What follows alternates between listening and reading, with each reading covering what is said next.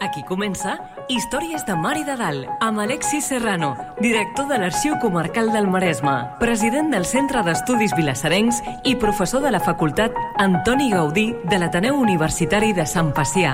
Un programa sobre el nostre passat, les històries, les tradicions, els personatges i el patrimoni de Vilassar de Mar. Una producció del Centre d'Estudis Vilassarencs en col·laboració amb Vilassar Ràdio i sota la coordinació de Núria Gómez. El Nadal és una de les dates més importants en els calendaris de mig planeta. A falta de dades i dates concretes relatives al naixement de Jesús, els antics volgueren fer coincidir el naixement de Crist en les festes més importants que ja aleshores se celebraven als calendaris pagans. El solstici d'hivern marca en les societats agrícoles tradicionals un punt d'inflexió a partir del qual arriba l'hivern i els dies s'allarguen. Avui parlarem del Nadal, del naixement de Cris, dels evangelis que ens en parlen, però també de les celebracions ancestrals anteriors a Jesucrist i que celebraven el solstici i d'alguns elements tradicionals que romanen d'aquelles festes primitives. Altrament, parlarem d'algunes celebracions nadalenques o fets històrics esdevinguts en els dies de Nadal. Avui, a Històries de Mar i de Dalt, fem un especial Nadal. Frosted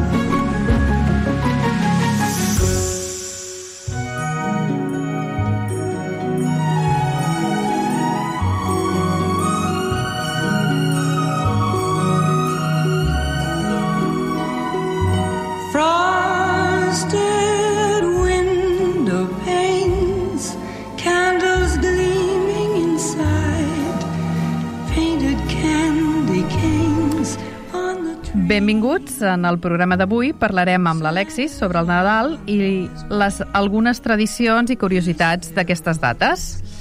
Doncs eh, sí, Núria, com que sé que t'agrada tant el Nadal, que, que tens allò que diuen un, un, un, es, un espíritu navideño, allò que et rebossa pels quatre costats, No saps prou. doncs avui parlarem, parlarem sí del Nadal, però més aviat parlarem de les festes a l'entorn del solstici i d'alguna manera de tot allò que ens emportem a la nostra motxilla cultural de l'època, no sé si del neolític o potser fins i tot d'abans i tot.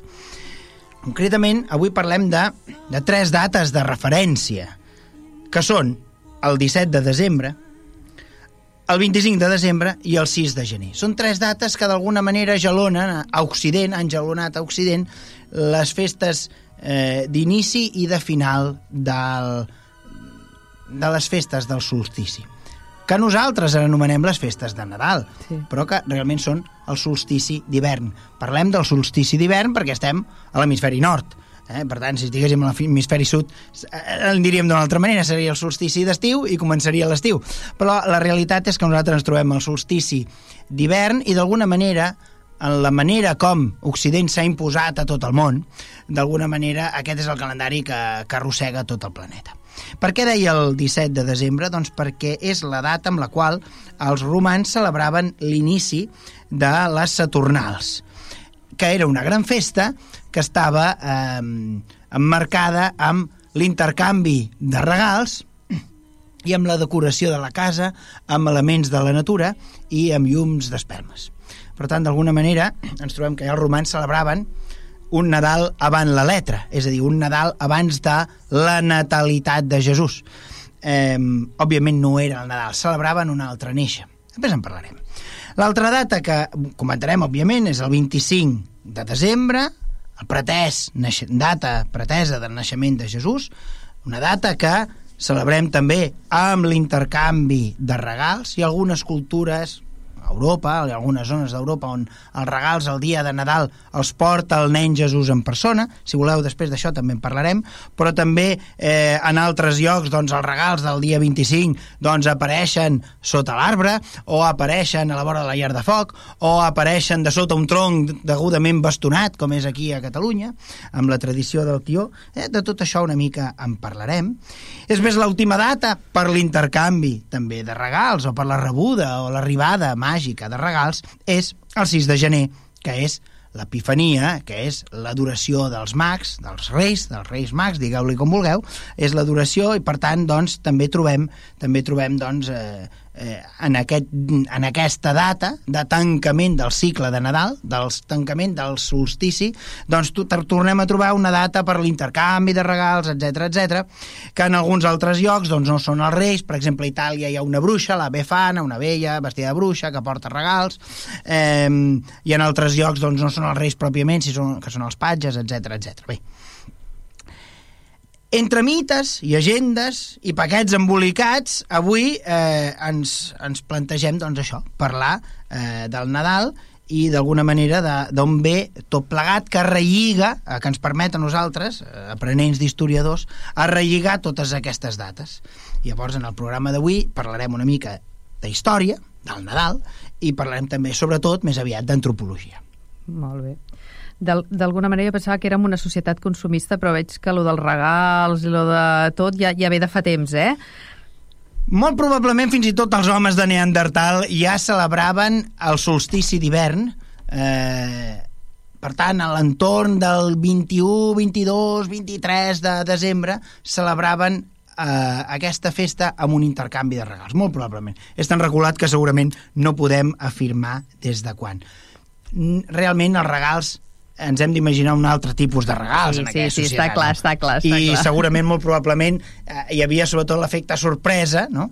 però el que no hi havia era l'efecte doncs, de l'embolcall i tota aquesta cerimònia amb la que nosaltres doncs, avui eh, imaginem aquesta, amb aquesta data. Has comentat tres dates. La primera, el 17 de, des de desembre, que serien les, les Saturnals. Les Saturnals anaven, era una festa que celebraven els romans, que anaven del 17 de desembre fins al 23 de desembre.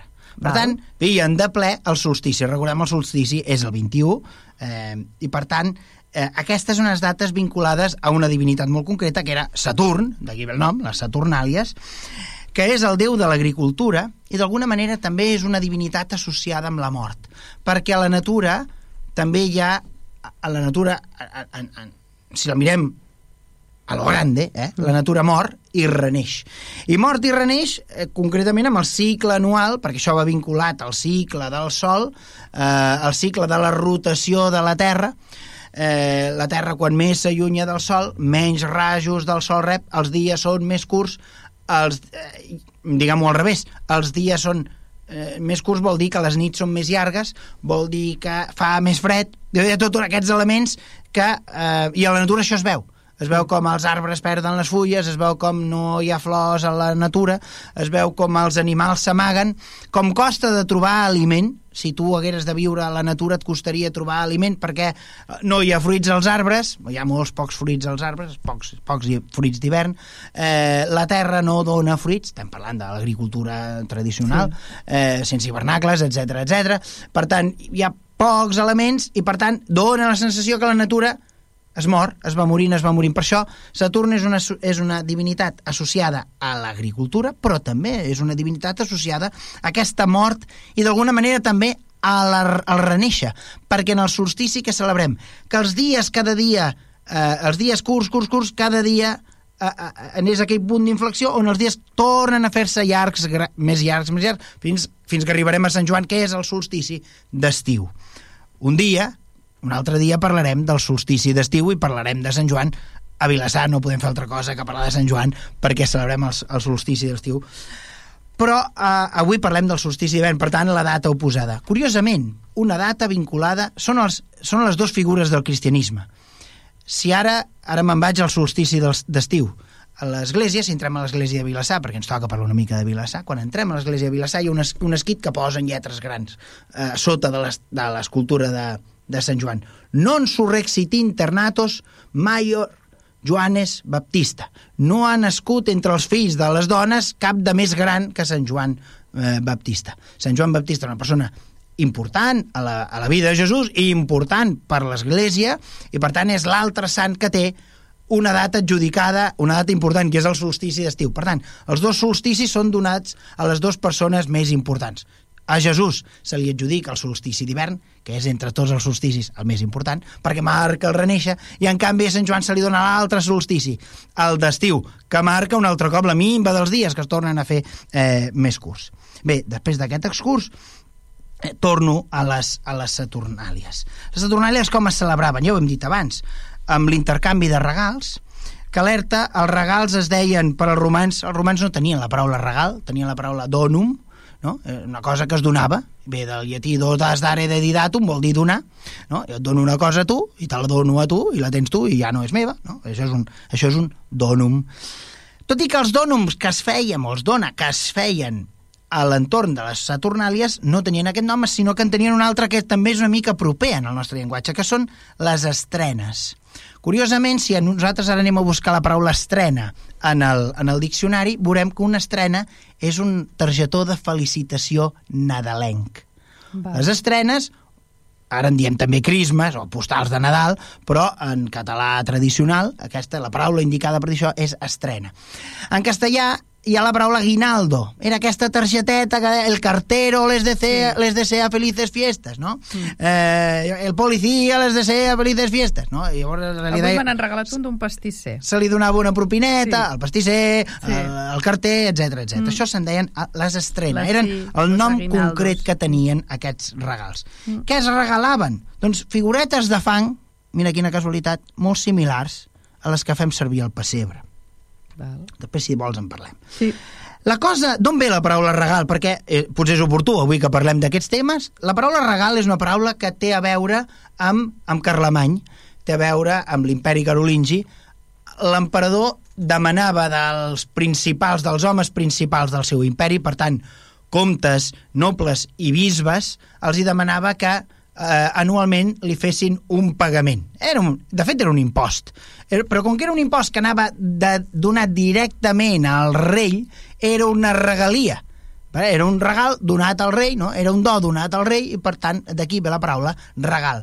Nosaltres no ens ho sembla, però cada vegada que parlem de la paraula, eh, quan fem servir aquesta paraula regal, d'alguna manera estem tirant a la motxina, anem a buscar el recurs eh, d'aquesta època carolíngia, no? estem al, al, al 800 perquè ens entenguem. No?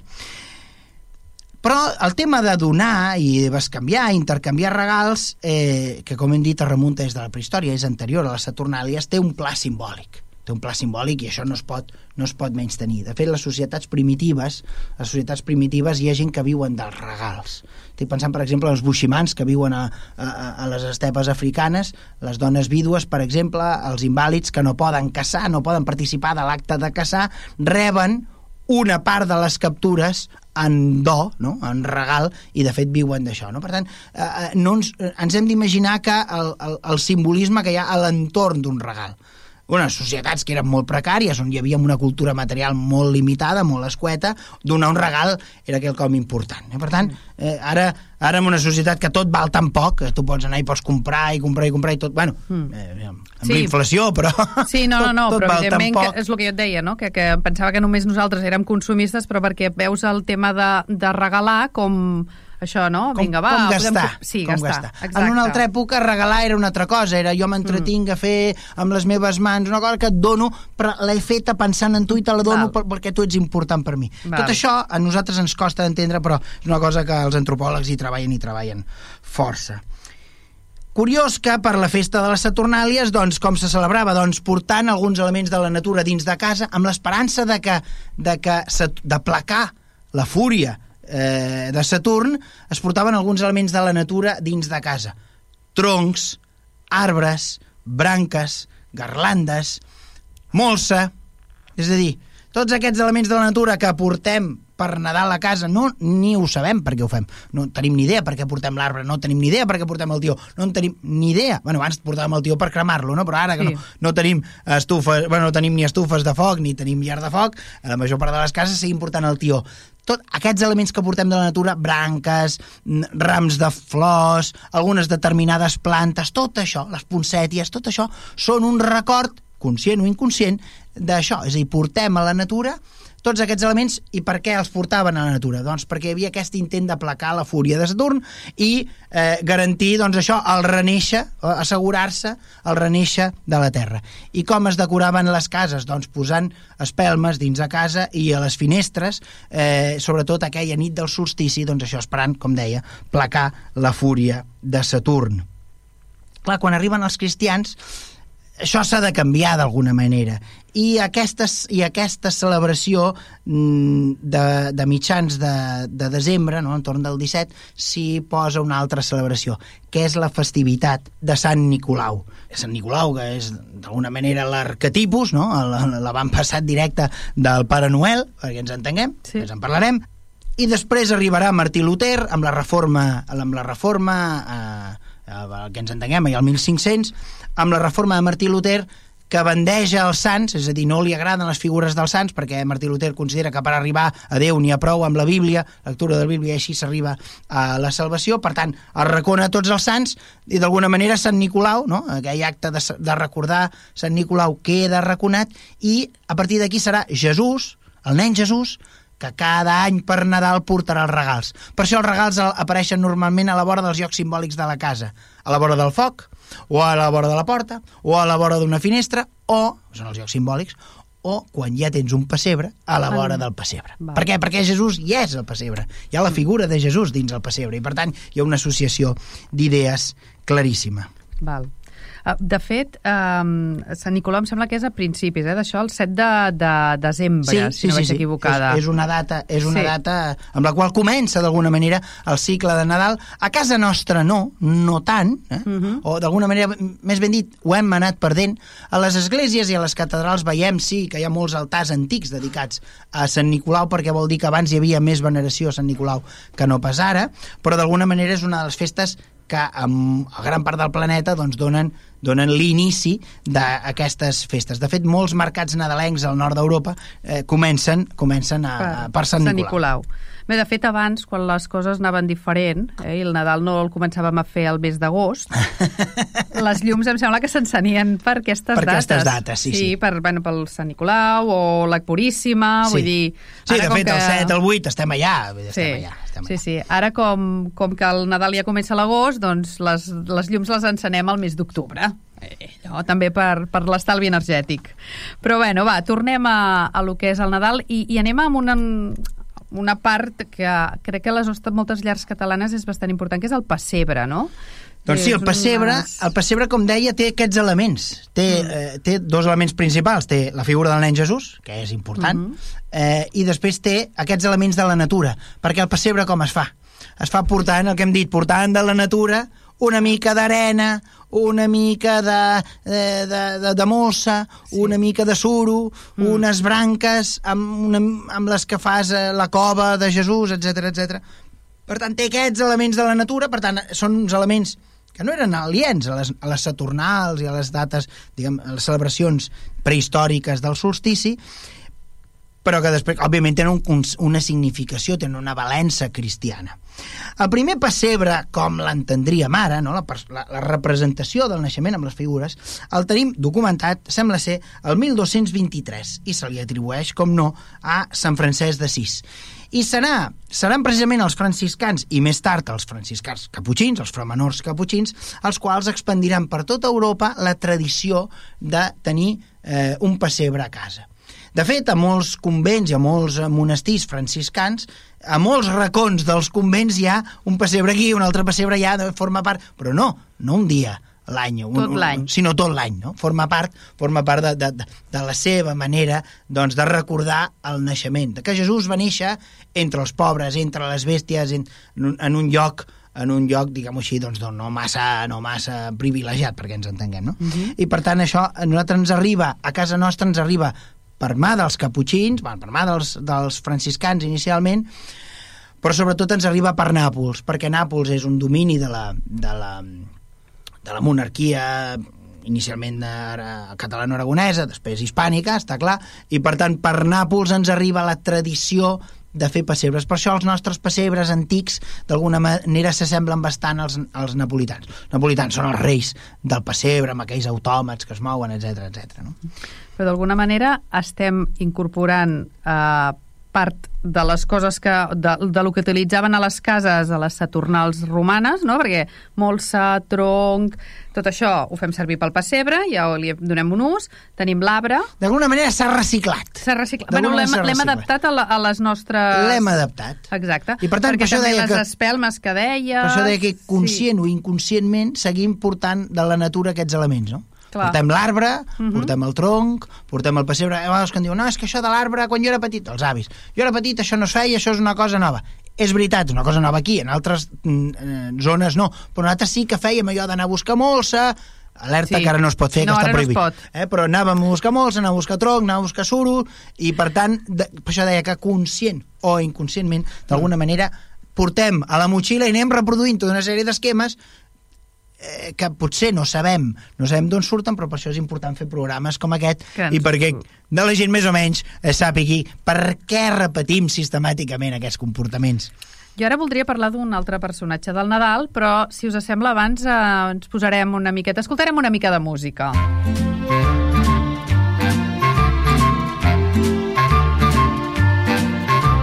You better watch out. You better not cry. You better not pout. I'm telling you why. Santa Claus is coming to town. He's making a list and checking it twice. Gonna find out who's naughty and nice. Santa Claus is coming to town. Bé, suposo que els nostres oients eh, saben de qui parlarem ara. Santa Claus, Pare Noel, eh, aquell senyor amb barba blanca i vestit de vermell... Bé, no avui, sé. Avui parlarem d'això, precisament. Sí, no? Santa Claus està clar, i, i tothom ho pensarà i tothom ho dirà, Santa Claus és un invent dels americans. Sí, totalment. Eh, totalment o parcialment. Perquè jo, per mi és molt, mari- molt americà. Tot, tot sempre té una altra cara i ho intentarem, ho intentarem explicar. A dia d'avui tothom ho té molt clar. Santa Claus és un fenomen no només als Estats Units, és un fenomen mundial. Sí. A casa nostra jo crec que d'alguna manera ja estem, estem... Tots tenim el cor dividit entre el tió i el Pare Noel, però sembla ser que eh, la batalla l'està guanyant i per majoria per golejada eh, d'alguna manera el Pare Noel perquè el tenim eh, fins i tot a la sopa. Sí. Eh, no sé si el Pare Noel acabarà raconant els Reis, diria que no perquè són tres contra un i per tant eh, se'm fa difícil de pensar que això passi. El que sí que és veritat és que a dia d'avui tots sabem i tenim molt clar que al Pol Nord hi ha una... Eh, podem escriure una carta adreçada amb una adreça al Pol Nord i que arriba eh, a un indret molt concret que es diu, m'ho he apuntat perquè no, perquè no ho sé dir de memòria, que es diu Rovaniemi, que això és Polònia, a Finlàndia, l'actual Finlàndia, on hi ha un poblat, eh, on, eh, un poblat de, del Pare Noel, amb tots els seus noms i els, els, els, els, els, els cèrvols que l'acompanyen, eh, hi ha la fàbrica de les joguines, eh, hi ha una pàgina de Facebook, eh, una pàgina una pàgina internet que és una, un, un lloc de televisió permanent, que tu pots veure el que fa el Pare Noel eh, eh, en vigílies de Nadal, sí. etc etc. Tipo Gran Hermano. Hi ha un parc temàtic eh, per a turistes, no? Eh, per tant, eh, hi ha un lloc al planeta, no? que és la casa del Pare Noel. Molt bé. Però la realitat, la realitat és que el Pare Noel és la readaptació, la ressuscitació, la, el revisculament d'un personatge que és, que ja l'hem anomenat, que és Sant Nicolau de Bari. Que de fet li diem Sant Nicolau de Bari perquè a Bari, a Itàlia, hi ha una, hi ha una localitat que es diu Bari, que té una gran basílica dedicada a aquest Sant Nicolau, però que realment aquest Sant Nicolau era de Mira, d'una localitat que avui és l'Àsia Menor, a la vora d'Antàlia, que fou bisbe al segle IV, i això explicaria per què Sant Nicolau vesteix de color vermell, perquè els bisbes vesteixen de color porpra, Sí. i per tant eh, això explica doncs, per què el Pare Noel doncs, encara manté aquest color. És una de les explicacions, no l'única. I com deia, doncs, aquest, aquest bisbe de Mira és, es va fer eh, famós, es va fer famós en vida, perquè tenia una especial eh, predilecció a l'hora d'obrar els seus miracles eh, per als nens. De fet, de, alguns dels miracles que s'atribueixen a Sant Nicolau de, de Mira era eh, doncs que sembla ser que un comerciant, un venedor de carn, eh, va matar tres nens, els va posar dins un barril amb sal i volia despatxar aquestes carns de nen eh, com a carn de porc i un dels miracles que se li atribueix a Sant Nicolau és que va ressuscitar aquests tres nens, per tant la relació amb els nens és directa, no? és un benefactor mm. dels nens. I un altre de les, de les, de, dels miracles que se li... Bueno, no és un miracle, una de les actuacions que va, que va obrar en vida és que hi havia un home molt pobre, molt pobre, molt pobre, que era vidu, era vidu i tenia tres filles i les tres filles les havia de casar. No tenint diners per pagar el dot, ja sabem que aquest, sí. el dot és una institució, no tenint diners per pagar el dot, d'alguna manera les noies estaven condemnades a la prostitució. Sant Nicolau, que era una persona doncs, que venia d'una família aristocràtica i tenia molts diners, doncs va anar de nit, eh? veiem una altra de les constants, eh? Sant Nicolau es va aparèixer de nit, de nit. a casa d'aquest senyor i per la finestra li va llançar un sac de monedes d'or L'endemà va tornar a passar i va tornar a llançar un altre sac de monedes d'or i el tercer dia va passar també de nit i va llançar un sac de monedes d'or i amb aquestes amb tres bossetes de monedes d'or aquest senyor tan pobre va poder pagar el dot de les tres filles i no es van haver de prostituir. Aquestes són forma part de, del llegendari que acompanya a Sant Nicolau eh, de Mira. Per què li diem Sant Nicolau de Bari? Doncs perquè a un cert moment, a un cert moment, eh, quan els turcs ocupen l'Anatòlia, ocupen l'Àsia Menor, eh, els cristians diuen hem d'anar a rescatar les relíquies dels sants. Mm. I, de fet, hi ha molts sants que són de l'Àsia Menor i mm, la gent de Bari són els primers que arriben a Mira i s'emporten de l'església de Mira, on hi havia les restes de, de Sant Nicolau, s'emporten una part del cos. Uns anys més tard arribaran els venecians que s'emportaran una altra part del cos i una altra part del cos quedarà allà i encara és exposada, jo l'he vista, una, un trossos de la mandíbula, etc, al Museu Arqueològic d'Antàlia, i resulta que amb, les est amb estudis científics han mirat eh, aquestes tres restes d'aquests tres cossos, la que hi ha a Venècia, la que hi ha a Bari i les que hi ha al Museu d'Antàlia, totes tres formen part del mateix individu, i fins i tot han fet allò que els agrada tant als antropòlegs, en els documentals, que és reconstruir ah, eh, facialment la cara, la cara de, de de Sant Nicolau. El problema és que amb els ossos es pot reconstruir una cara, però el que no es pot saber si duia barba i si la barba era blanca. Això no ho sabem. Però la realitat és que ara intentarem explicar, ara intentarem explicar per què el nostre Pare Noel té aquesta forma aquesta forma de senyor humanàs, gran, amb aquesta panxa, aquest nas vermell i aquesta, i aquesta gran barba i aquests cabells, cabells blancs.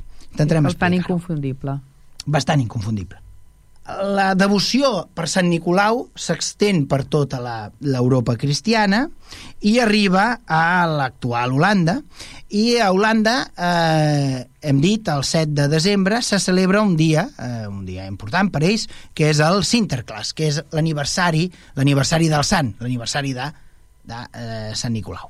Uh -huh. eh, aquest Sinterklaas, eh, que es diu així el, el, la festivitat que celebren, d'alguna manera al segle XVII va saltar amb les naus va saltar fins a l'Amèrica del Nord, no? Quan els holandesos van començar a immigrar, Clar, no? Los padres peregrinos, el, el Mayflowers, no? De, tot aquest mite, el, la, el dia de l'Acció de Gràcies, tot allò que celebren els americans, no? Al segle XVII, quan arriben els holandesos, els britànics, els irlandesos, la gent del nord, de, de, de, de, de la gent d'Europa, que emigren i s'instal·len a les 12 colònies del nord eh, d'Amèrica, el que ara anomenem les 12 colònies primigènies dels Estats Units d'Amèrica, doncs quan s'instal·len arriba, arriben amb aquesta cultura Clar. tradicional. Però allà es fusiona amb una altra amb una altra cultura que també ha vingut amb la motxilla, en aquest cas dels britànics.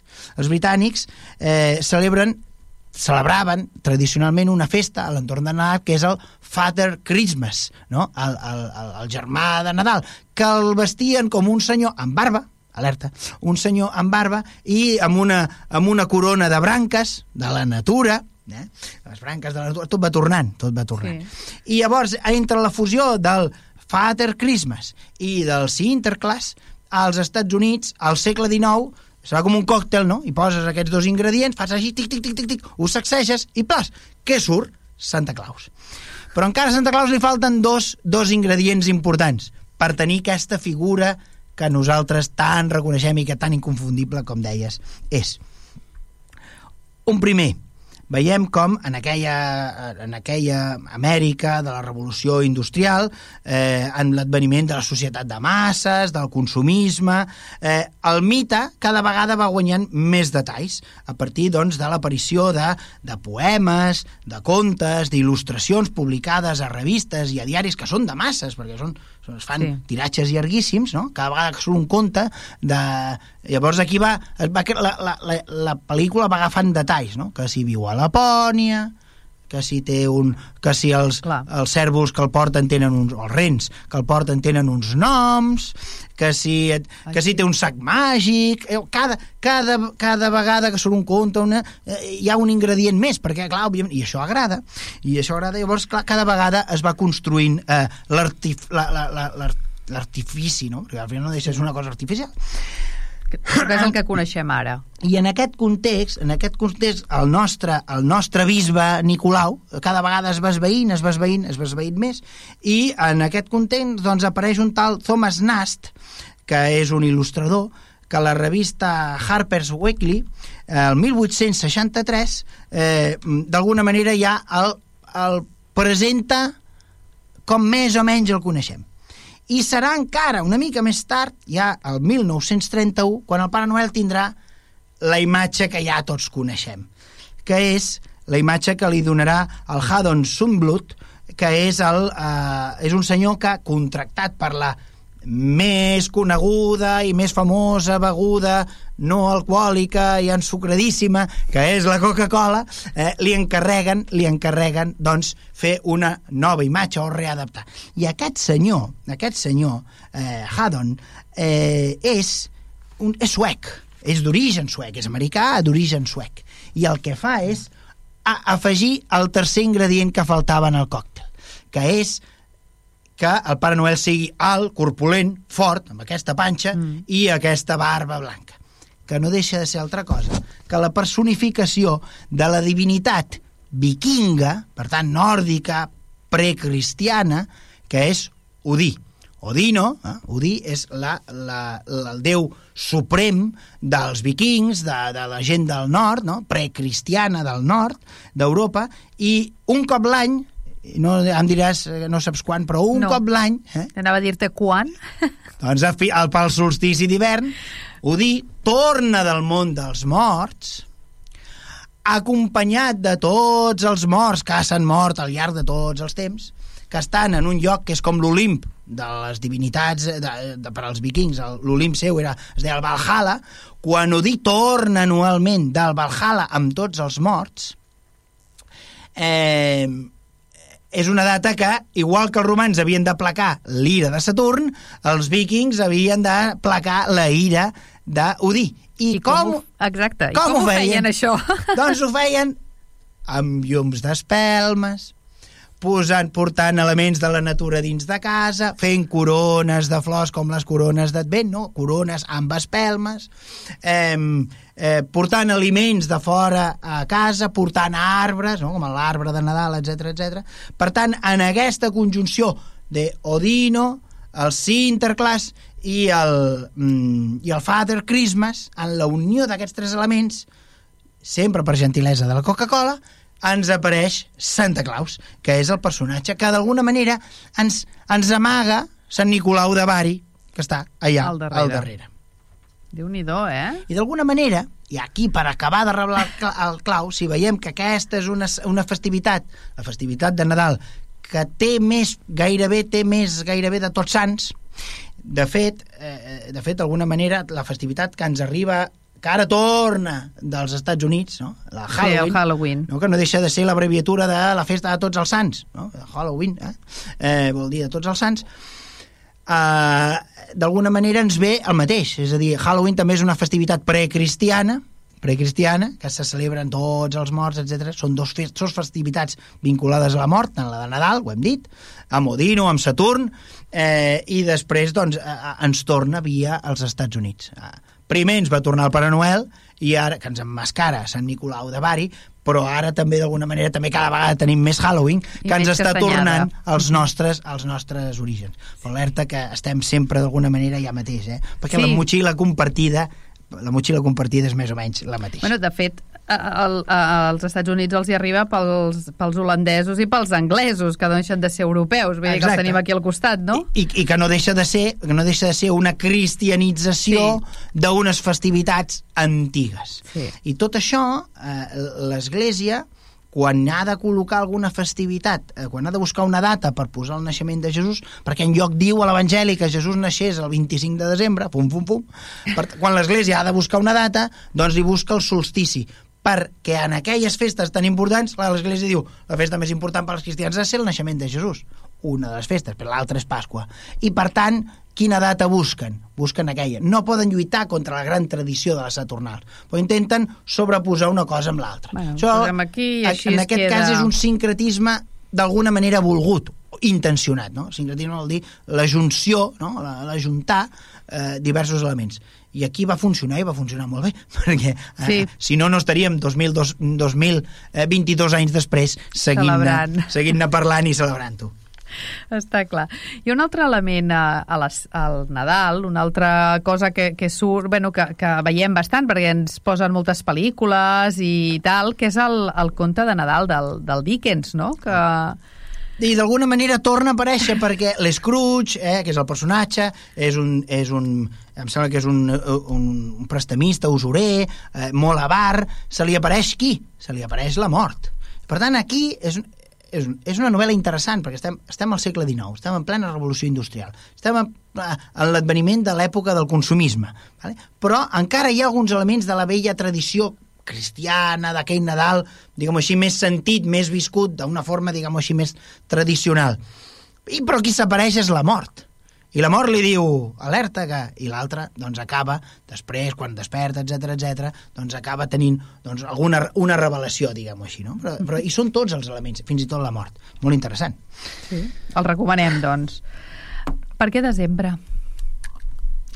Perquè desembre és una bona, és una bona pregunta, és molt oportuna, perquè per als romans, els romans inicialment celebraven, o més ben dit, tenien, feien servir un calendari lunar. Feien servir un calendari lunar de 10 mesos, i per tant, el fet de tenir un calendari de 10 mesos eh, implicava eh, que els mesos tenien unes durades eh, que no s'ajustaven, eh, la durada dels mesos i dels anys no s'acabava d'ajustar amb, la, amb el gir de la Terra eh, a l'entorn a l'entorn del Sol, sabem que el gir de la Terra sobre si mateixa és un dia i a l'entorn del Sol doncs és, és eh, tot un any. Per tant, les coses no acabaven, no acabaven de quadrar. I per tant, inicialment els romans tenien anys de 10, de 10 mesos, n'a- n'afegiran dos més, n'afegiran dos més, que com tots sabem doncs són els mesos dedicats a, a, a Juli Cèsar, juliol, i a Octavi August, agost, i la cosa curiosa és que els romans com, fe, com celebraven, com, com anomenaven els, els, els mesos. Els, per als romans, inicialment l'any començava, eh, sempre ho hem dit, no? veiem aquelles sèries de Roma, Los idus de marzo, eh? començava, l'any començava amb, eh, amb el mes de març, dedicat a Marte, el déu de la guerra. La guerra començava eh, al març, no? perquè quan, quan el temps teòricament eh, és millor, mm. no? eh, li seguia Aprilis, que la paraula ve d'obrir, aperis, ap, obre, aprilis, vol dir obrir-se, això té a veure amb la natura. La natura s'obre, no? Les, aprilis. Maius vol dir que es fa major, que creix, no? Maius. Eh, D'aquí ve major. I després ve el mes del florir, que és junius. Junius vol dir això, florir. Sempre estem lligats a la terra, al cultiu de la terra, una, Sí. sí. una societat agrícola, eminentment agrícola. I després, a partir d'aquests mesos, els mesos, a partir de, del mes de, de juny, els mesos no tenien importància, perquè ja havia florit la terra. Ja no estava. Llavors els mesos s'anomenaven, es numeraven. El mes cinquè, quintilis, el mes sisè, sextilis, el, eh, septembris, octobris, novembris, decembris. Per això diem desembre, perquè és el mes que fa 10.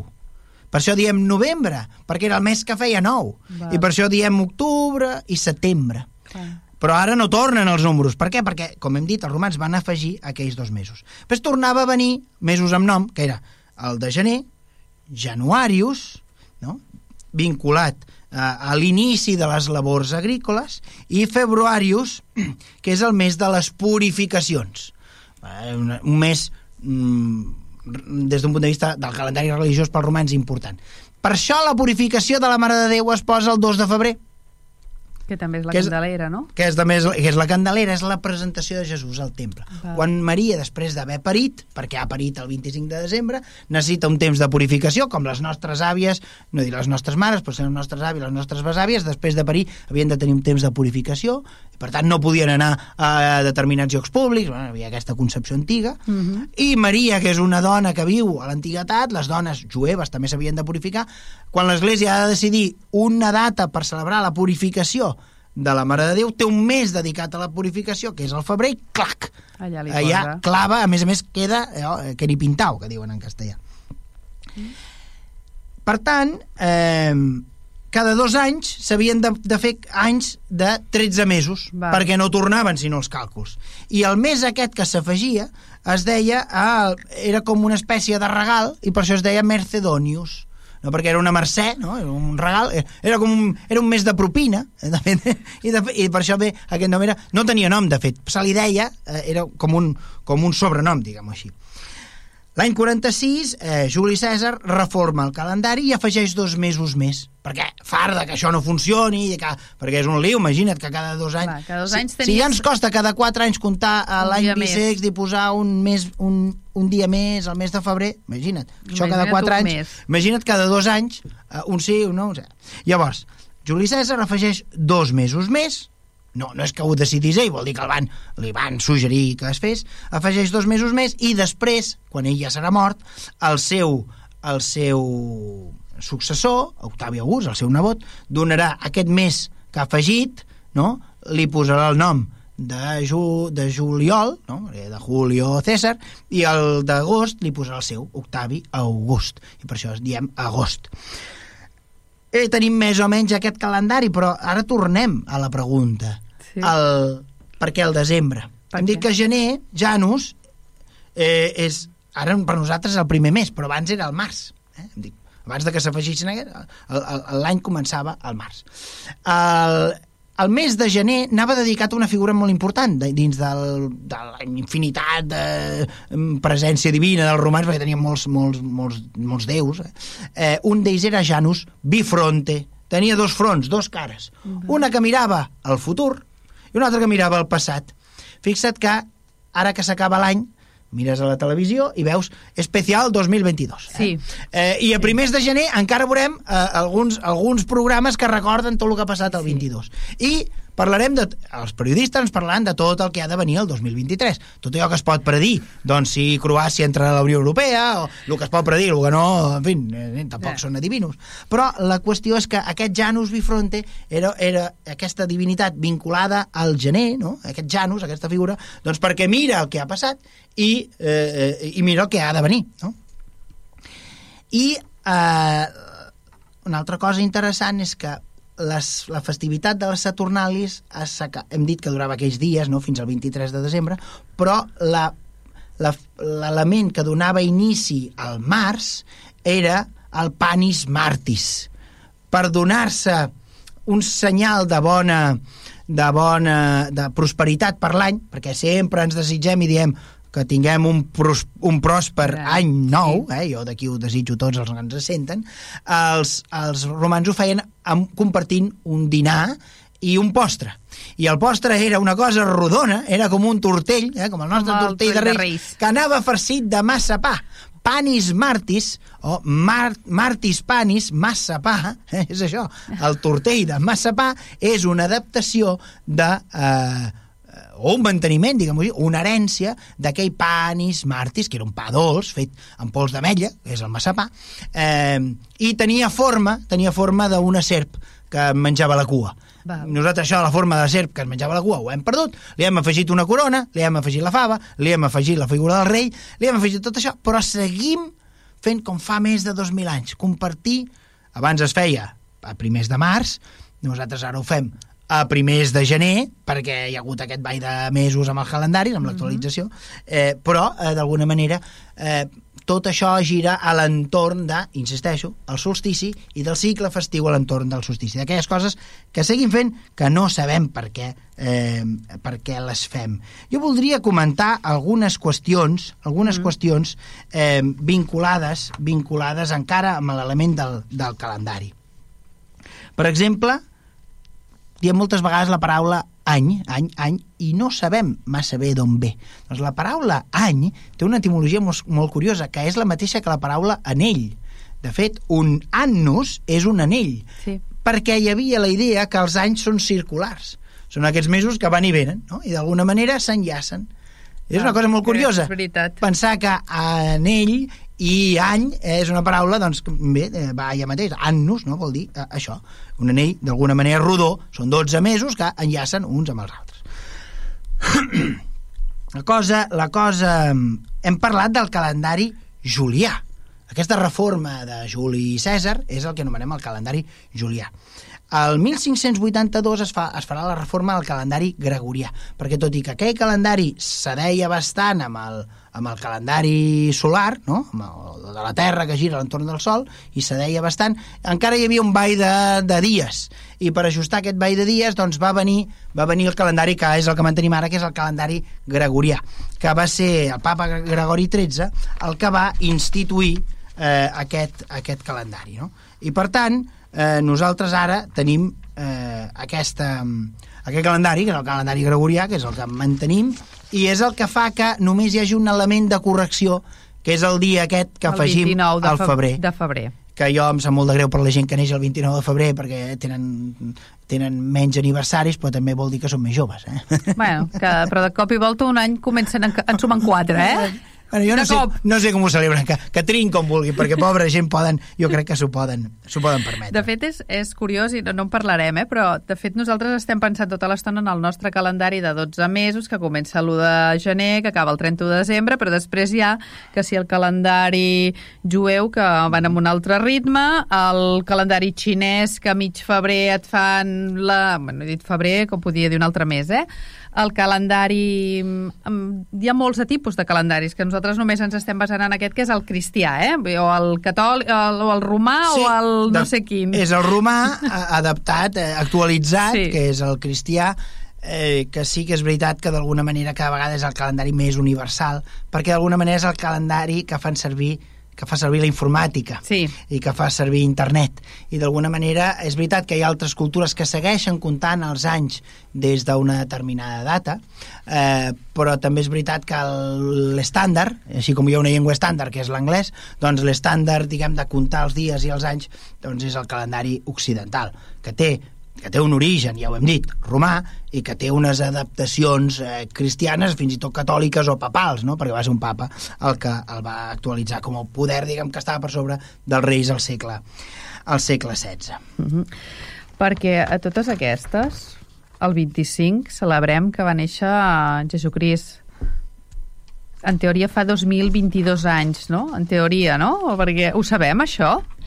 L'establiment de l'anno domini, del que s'anomena l'anno domini, l'any del Senyor, eh, l'any que va néixer Jesús, doncs va ser un encàrrec que va rebre un, un intel·lectual al segle VI, eh, per intentar establir a quin any havia estat eh, el naixement de Jesús. Perquè fins aleshores se seguien comptant els anys des de la fundació de Roma, Urbe Conditam. Eh, I per tant, doncs, a un cert moment, al segle VI, amb ja ho sabem, al segle VI els emperadors s'han convertit al cristianisme, els emperadors eh, comparteix, convert, comparteixen la doble càrrega, no són cèsars i papes, d'alguna manera, no que la funció cèsaropapista. Eh, des de Constantí el poder de l'Església està recolzat pel poder imperial i d'alguna manera l'Església entén, entén que l'imperi és el braç executor de, de, de l'Església. I per tant, eh, diuen, pues una bona cosa seria començar a comptar els anys a partir del naixement de Jesús eh, per actualitzar eh, i per eh, renovar aquesta unió entre l'estat eh, romà, imperial, i el, i el cristianisme, doncs estaria bé doncs, una manera doncs, de fer un, un, un punt d'inici, un nou punt d'inici. Comencem a comptar els anys a partir d'aquesta data, però ningú se'n recordava quan havia nascut Jesús. Les, les, eh, les escriptures no ho diuen, no parlen de l'any, directament no parlen de l'any, i no parlen de la data, en lloc diu que que fos 25 de desembre i que fes molt de fred i que nevés. És veritat que Betlem neva, molts anys neva, Betlem, perquè està a una altura, Betlem, on on, on va néixer Jesús, perquè Sant Josep i la Mare de Déu van haver d'anar allà, a Betlem, no vivien a Betlem, vivien a Nazaret, eh, però van haver d'anar allà a Betlem perquè s'havien de registrar. Hi ha una data interessant, que indirecta, que diu que tothom s'havia de censar perquè l'emperador August, ja tenim una data cronològica que ens permet, Mm. eh, va manar que es fes un cens i per tant tothom havia d'anar allà on havia nascut per, per registrar-se pels romans, és importantíssim el, el naixement i el lloc de naixement.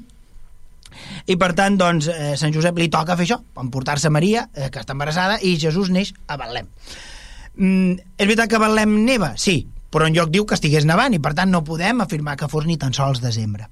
El que sí que, el que, sí que sabem és que aquest encàrrec d'establir l'any del naixement va ser adjudicat, com dèiem, a aquest monjo eh, del segle VI que es deia Dionís Alexigu, es deia així, no se sap ben bé per què li deien Alexigu, però ens li diu així, eh, i va establir que Jesús havia nascut al 754 després de la fundació de Roma.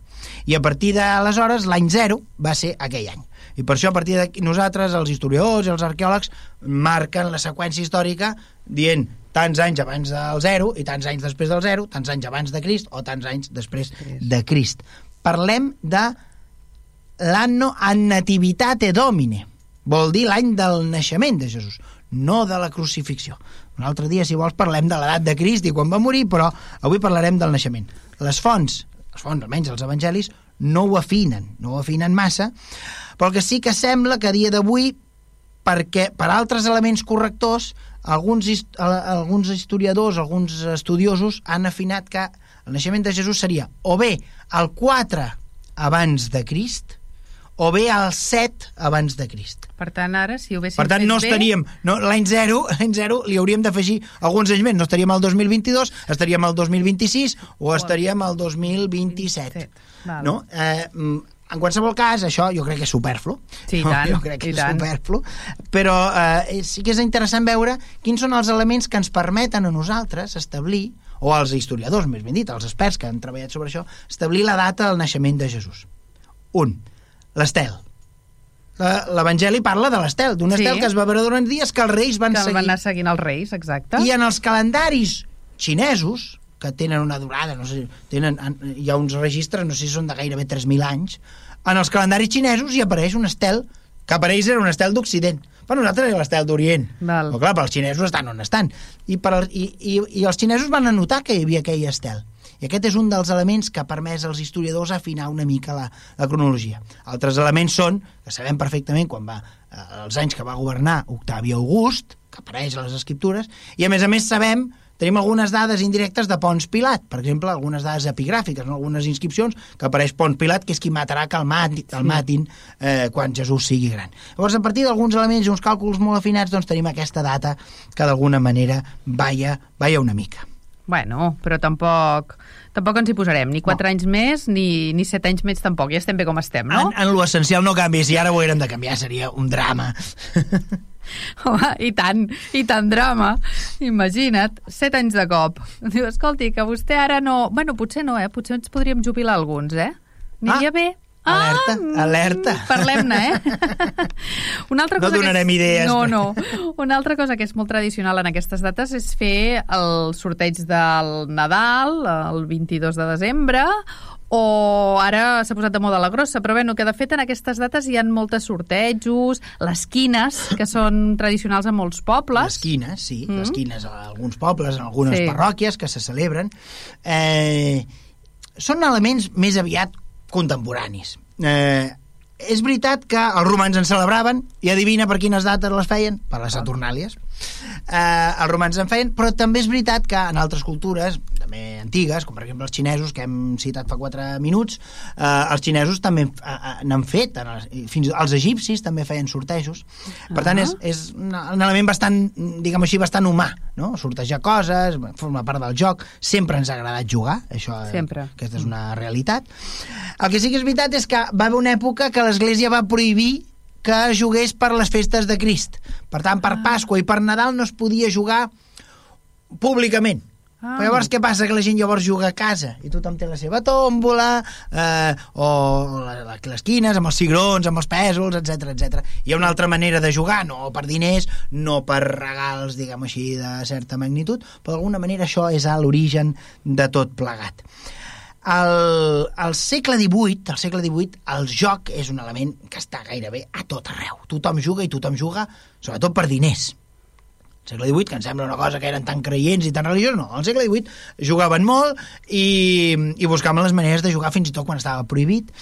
I una cosa interessant és que un personatge famós, un tal Giacomo de Casanova, un venecià conegut i que inspira la figura de Don Giovanni, eh? Eh, col·leccionador d'històries de, eh, de morius sentimentals amb dones, no? d'haver-se llitat a moltes dones, una llista de la quantitat de dones amb les que s'ha llitat, eh, aquest senyor, eh, Casanova, recomana a la primera concubina del rei de França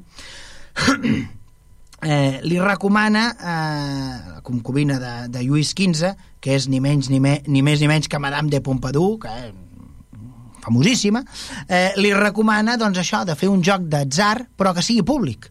Vull dir que sigui l'Estat que emeti uns, uns, uns butlletins, uns bitllets, no? i que se sortegi una quantitat de diners. Tu sorteges, ah, m'ho invento, eh, 5.000 francs, però vens bitllets per valor de 50.000 francs. Per tant, l'Estat s'embutxaca 45.000 francs i amb això l'Estat havia de construir el, el Camp de Mart, el Camp de Mart famós de França, on ara eh, doncs, eh, tenen lloc fires, la, eh, per exemple, l'exposició internacional de París doncs, es va Val. fer allà, al Camp de Mart de París, es va, un Camp de Mart que era el lloc on els soldats havien de fer pràctiques, per això es diu Camp Val. de Mart, no? eh, perquè Mart era el déu de la guerra. Doncs llavors els francesos han de construir aquest centre d'operacions militars i eh, decideixen doncs, fer una tòmbola molt gran no? amb aquests bitllets oficials que, que els imprimeixen la mateixa fàbrica que emet el bitllet dels bitllets normals i els pagarés doncs emeten aquests bitllets no? per tant mm -hmm. estan avalats per l'Estat i això arribarà a casa nostra eh, ara faria 210 anys, això arriba a casa nostra en plena guerra del francès, el 1812 Val. i eh, amb el govern de Cádiz, el que farà la, la Constitució de la Pepa, eh, que tenen moltes dificultats econòmiques, se'ls hi ha hagut fer un sorteig, se'ls hi ha hagut fer un sorteig doncs, per sortir del pas i poder seguir finançant la guerra contra, contra els francesos. I aquest, d'alguna manera, eh, així, aquest és l'origen de la grossa de Nadal, no? del gordo, el sorteo del gordo.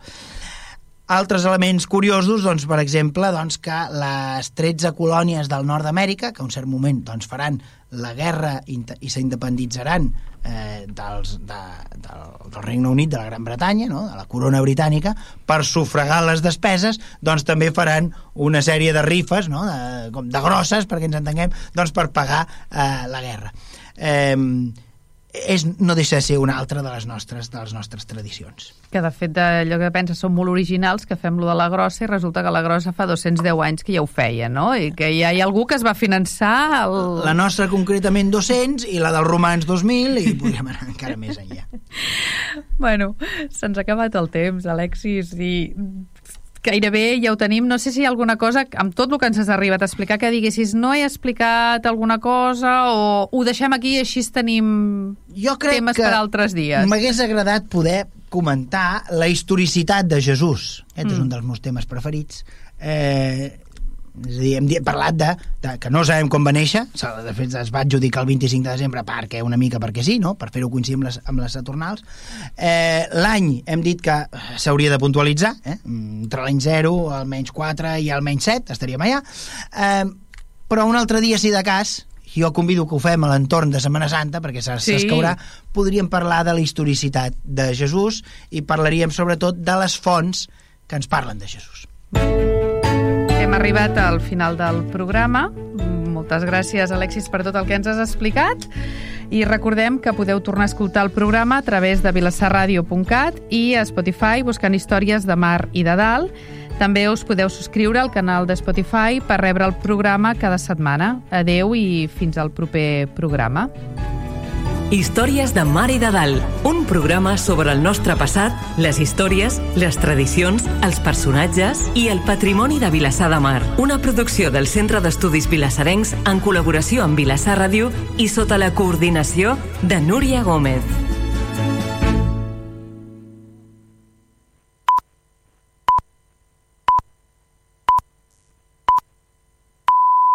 Vilassar Ràdio són les 10 de la nit. Què fas? Estic buscant un regal per al pare, però no trobo res que em convenci. I per què no anem a fer una volta pel barri? El comerç de proximitat dinamitza, vertebra i cohesiona els centres dels nostres pobles i ciutats.